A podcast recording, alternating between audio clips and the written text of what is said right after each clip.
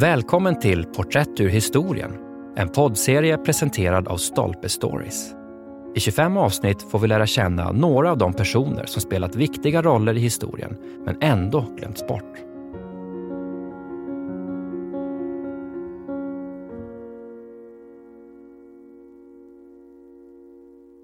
Nehemiah Wallington Puritansk skribent med mycket tristare liv än Pepys av Vanessa Harding Samuel Pepys är utan tvivel den mest kända engelska dagboksförfattaren genom tiderna. Han förde dagbok mellan 1660 och 1669.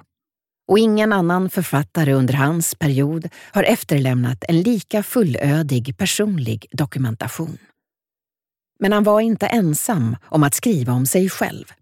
Många av hans samtida, såväl män som kvinnor, förde dagbok samlade minnen eller gjorde förteckningar över händelserna i sina liv.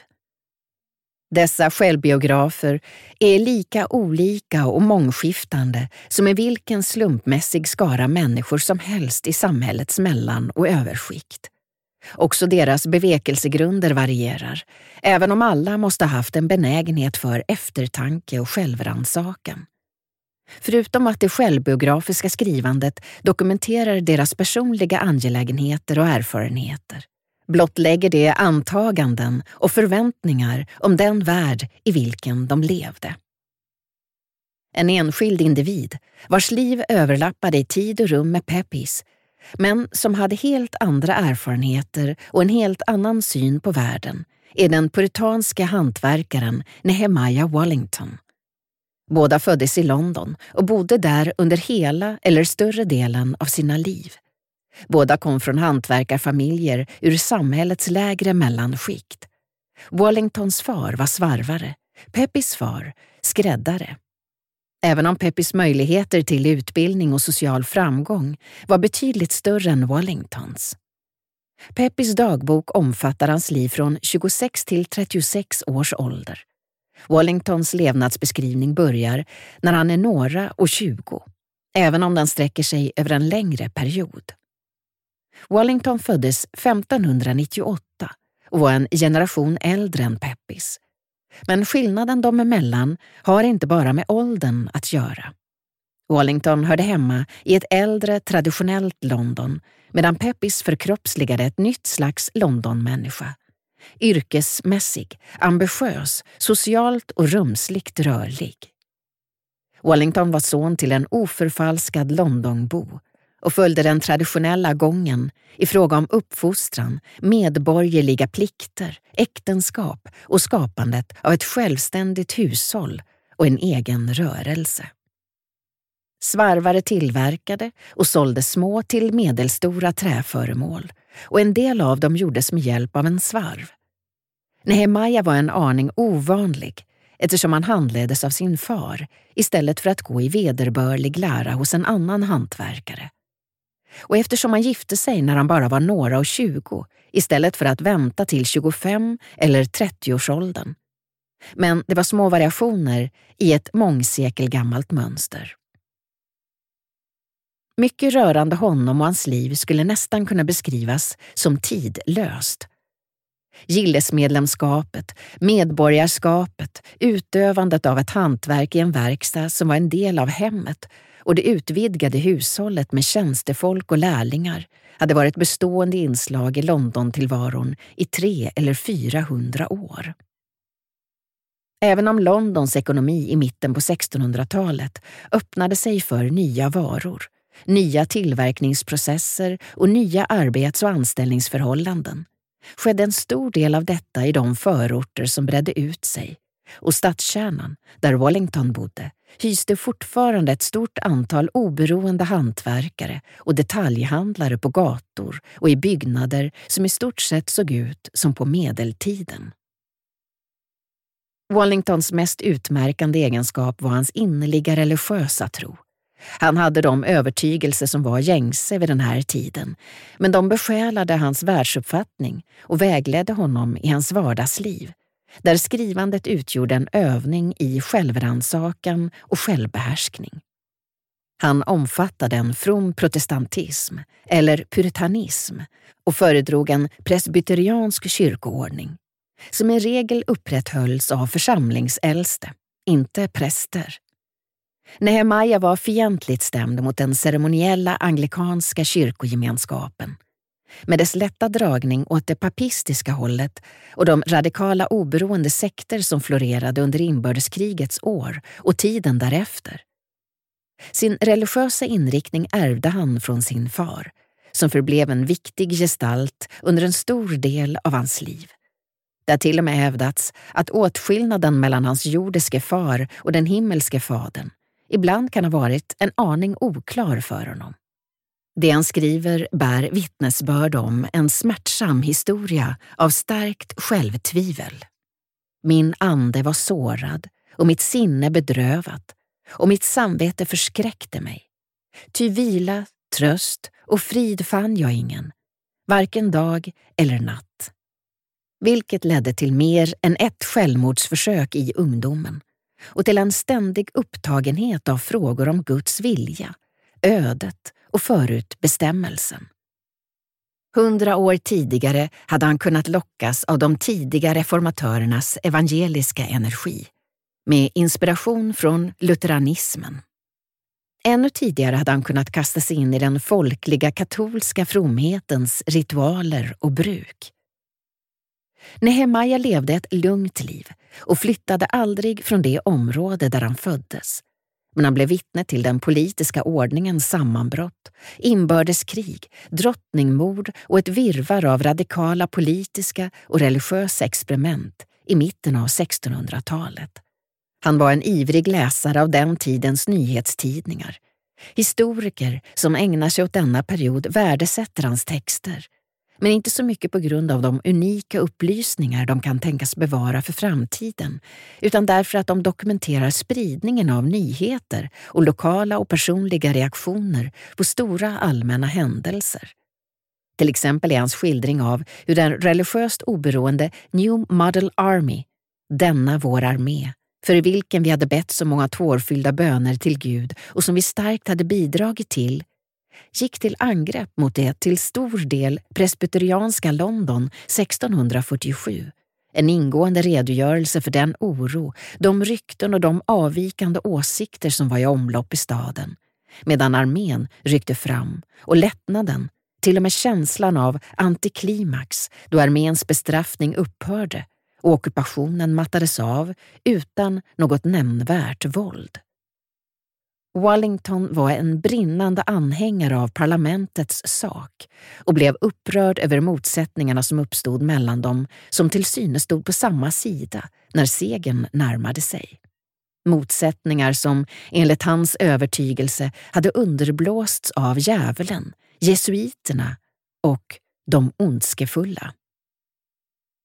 Han beklagade att gudfruktigheten efter en lovande upptakt enligt hans uppfattning hade minskat nu säger jag med sorgset hjärta att Herrens dag dras i smutsen av allt möjligt vanhelgande uppträdande, när hans hus står tomt och värdshuset och ölstugan fylls.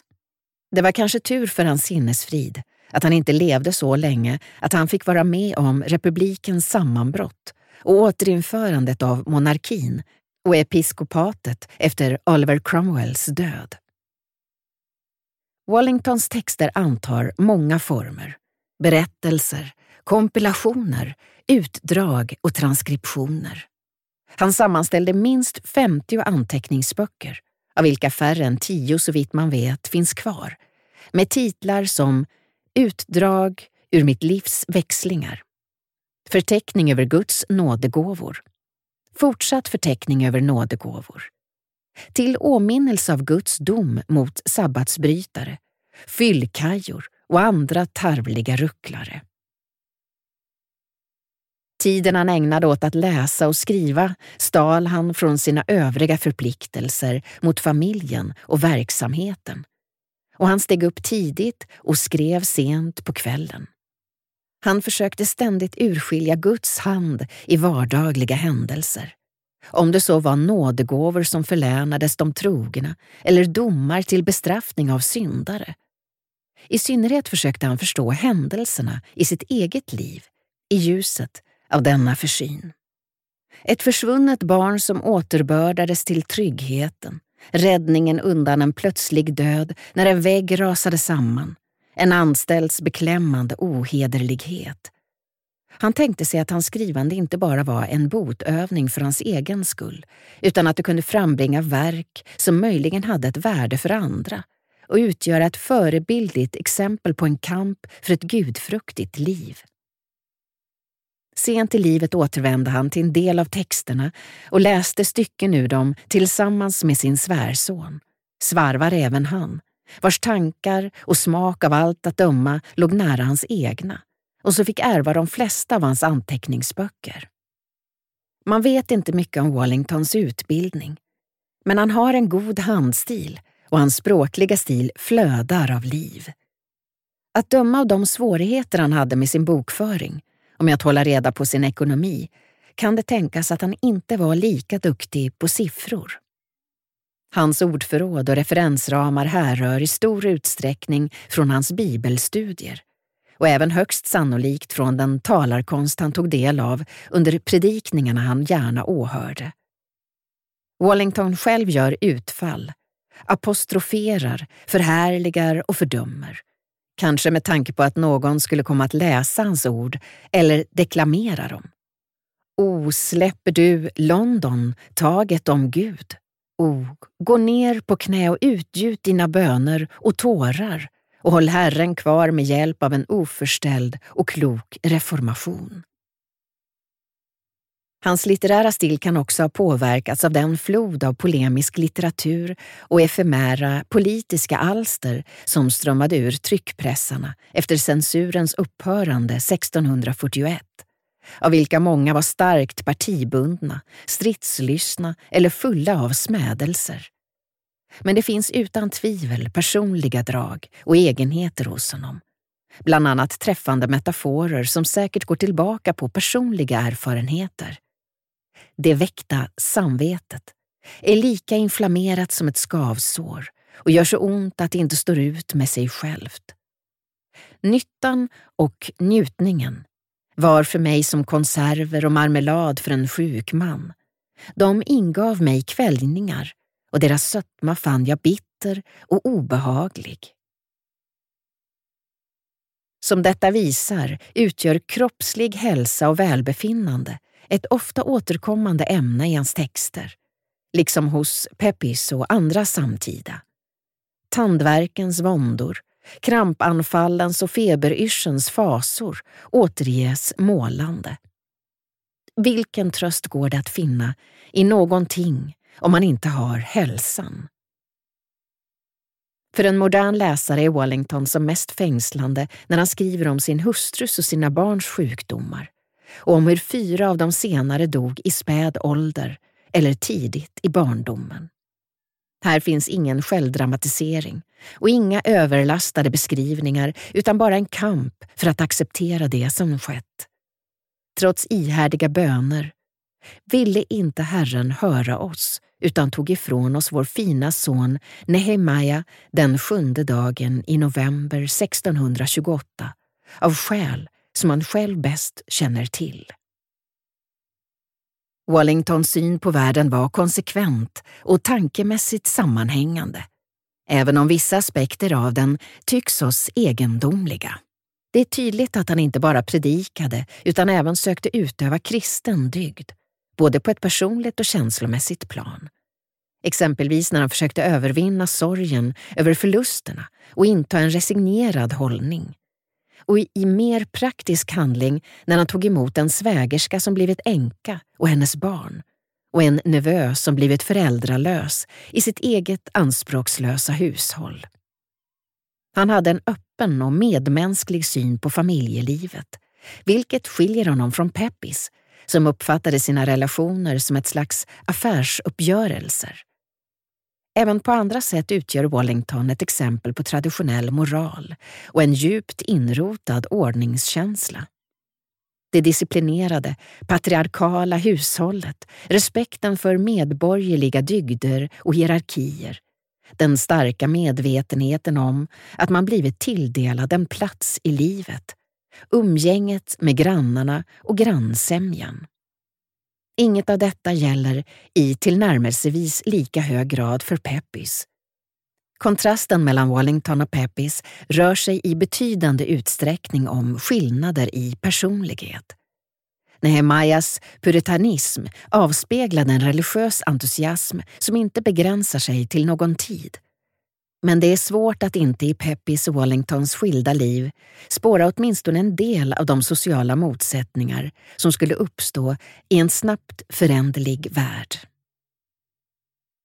Vanessa Harding är professor i Londons historia vid Birkbeck, University of London.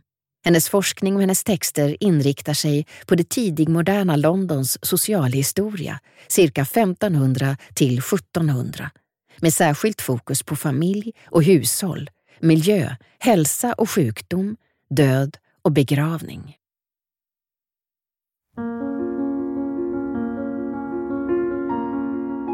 Du har lyssnat på poddserien Porträtt ur historien som presenteras av Stolpe Stories och inläst av Mimmi Kandler. Serien är baserad på essäsamlingen Porträtt, människor som formade sin samtid men som historien glömde. Essäsamlingen finns ute nu. Glöm inte att du som lyssnar har 20 rabatt på alla bokförlaget Stolpes titlar på Bokus.com. Ange rabattkoden STOLPE20.